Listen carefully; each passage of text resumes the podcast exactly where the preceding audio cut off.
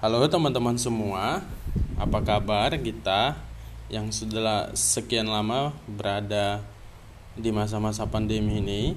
Saya berdoa teman-teman khususnya para CPKK yang mendengarkan ini dalam keadaan baik. Yang kedua, saya berterima kasih karena kita masih tetap uh, bisa bertemu dan teman-teman masih bersedia mengisi diri lewat pembinaan uh, secara online ini. Di sesi sebelumnya kita sudah bicara tentang kelompok kecil dan komponen yang ada di dalamnya. Dan apa yang ingin saya sampaikan di sesi ini adalah lanjutan, masih seputar tentang kelompok kecil. Pada bagian ini saya ingin berbagi kepada teman-teman, kepada kita semua tentang esensi pemuritan dalam kelompok kecil. Bagaimana PKK benar-benar bisa membangun satu kelompok kecil untuk menghasilkan murid atau kurang lebih apa yang harus ada yang tidak boleh tidak ada di dalam kelompok kecil itu.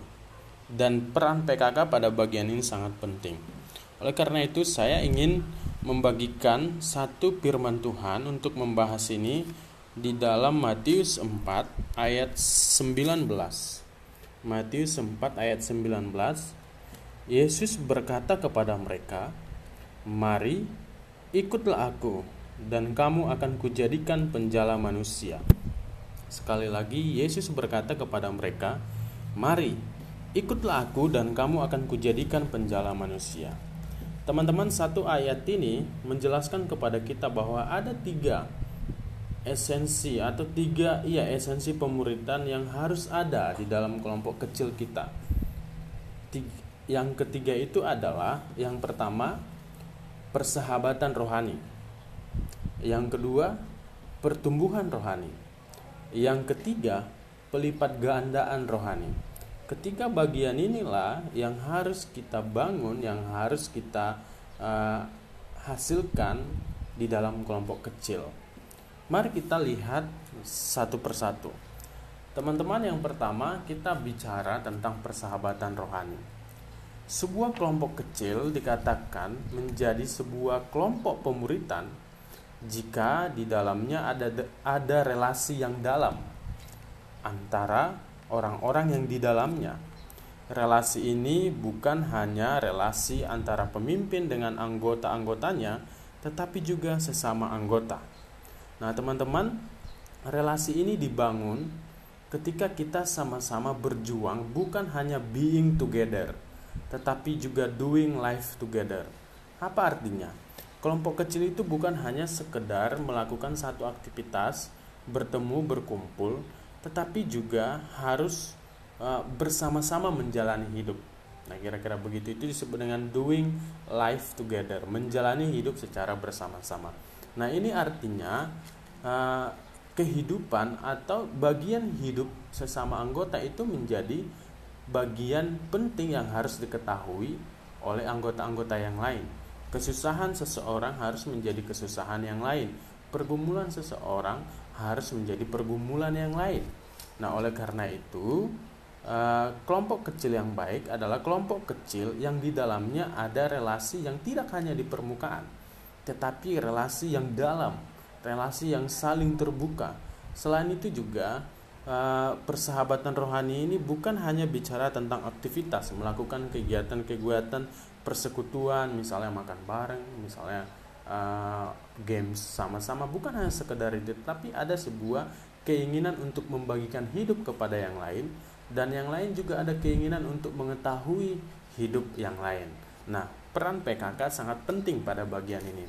Maka hal-hal yang tidak melulu bicara tentang uh, bahan kelompok adalah penting. Misalnya kita perlu sama-sama berbagi tentang kondisi keluarga kita, kondisi keuangan kita, sama-sama merayakan ulang tahun, sama-sama mendoakan itu adalah bagian yang penting.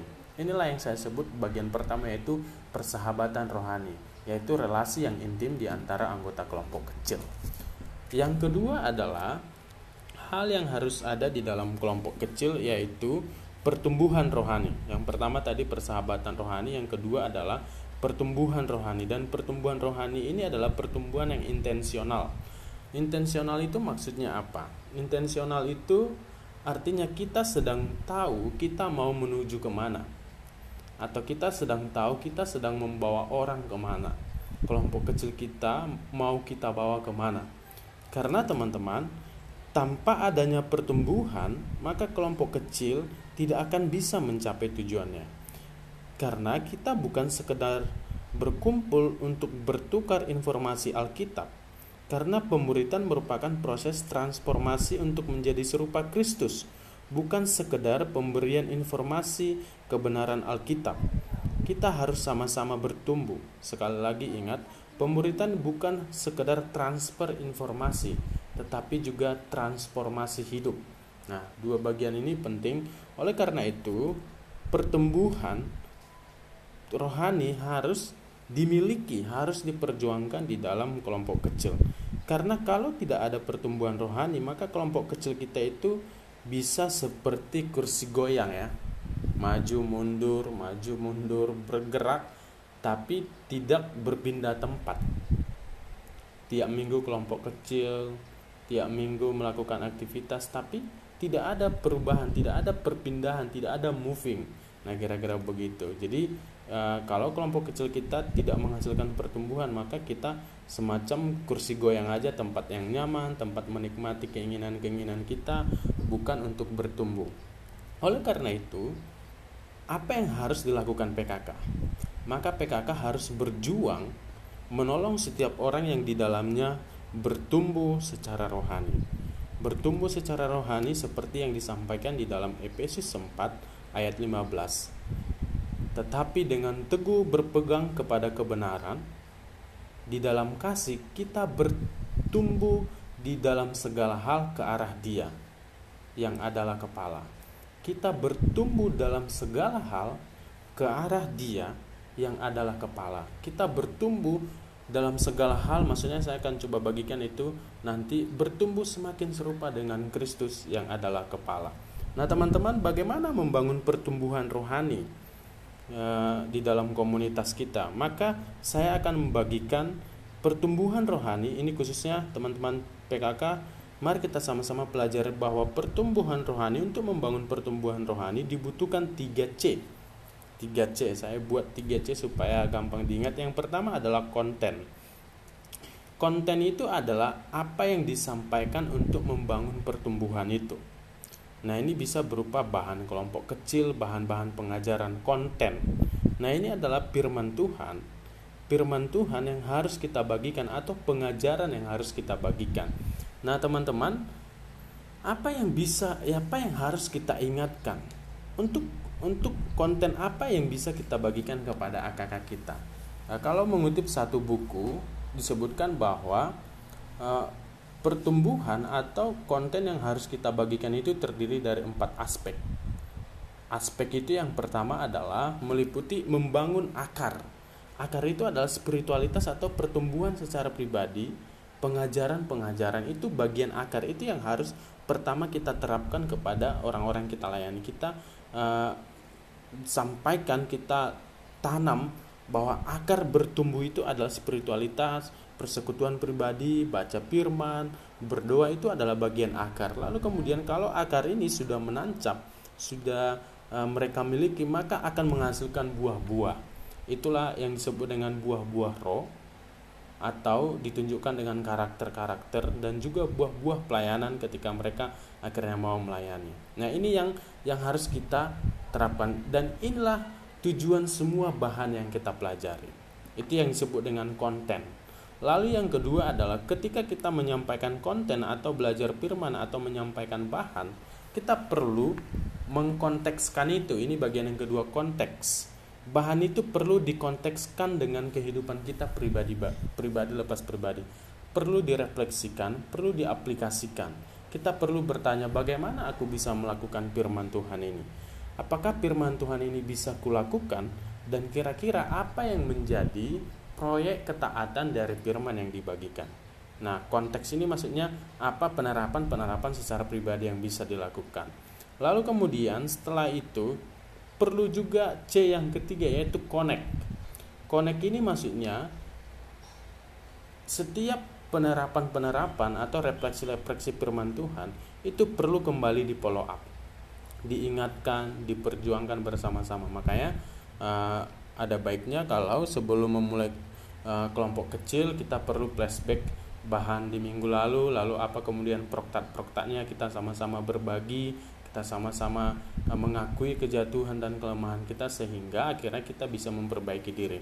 Dan ketiga C ini ini seperti uh, tiga satu kursi yang terdiri dari tiga kaki seperti yang kubuat di gambar. Jadi uh, kursi ini bisa didudukkan kalau tiga kakinya itu ada jadi kalau satu kakinya patah misalnya itu nggak bisa uh, didudukkan. Demikian juga uh, cara kita untuk menolong orang bertumbuh. Kalau kita hanya sampaikan firmannya sampaikan bahannya tapi tidak dikontekskan atau tidak dipikirkan penerapannya secara pribadi itu bisa jadi kursi yang tidak seimbang. Atau kalau kita tidak mengingatkan nah bagian Eh, ketiga bagian ini menjadi PR penting bagi PKK khususnya.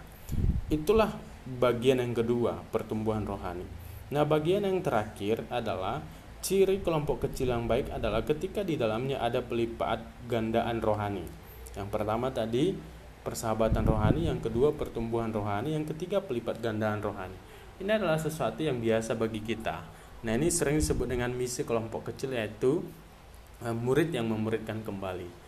Sama seperti Yesus memanggil para murid, kamu akan kujadikan menjadi uh, penjala ikan. Tujuan kelompok kecil adalah ketika orang-orang yang kita muridkan kemudian mau terlibat kembali di dalam uh, tugas pemuritan atau misi itu sendiri. Oleh karena itu, kita secara perlahan-lahan harus menolong setiap orang yang kita layani untuk uh, terlibat di dalam pelayanan. Kita mulai saja dengan hal-hal yang kecil, misalnya uh, mendorong mereka ikut di dalam Eh, persiapan satu acara jadi pelayan acara, singer, pemusik jika mereka bisa, penerima tamu atau melibatkan mereka dalam panitia-panitia hingga akhirnya memperlengkapi dan mendorong mereka untuk ikut kemudian menjadi CPKK, menjadi PKK. Inilah yang disebut dengan pelipat gandaan rohani. Pada bagian ini maka kita sangat perlu melatih, mendampingi mereka supaya mereka mau terlibat. Nah, oleh karena itu satu kelompok kecil yang baik ketika setiap anggota itu mau terlibat berlipat ganda, mau terlibat kembali mengerjakan pelayanan. Nah, tiga bagian inilah yang harus uh, diperjuangkan di dalam sebuah kelompok kecil dan peran PKK memang sangat dibutuhkan pada bagian ini. Kita harus memastikan bahwa di dalam kelompok kecil itu ada ada persahabatan rohani, bahwa di dalam kelompok kecil itu ada pertumbuhan rohani dan di dalam kelompok kecil itu ada pelipat gandaan rohani. Itu uh, bagian yang ingin kita pelajari di sesi ini. Kita akan lanjutkan satu sesi lagi tentang pemuritan kelompok kecil di sesi berikutnya. Terima kasih teman-teman, selamat mempersiapkan diri.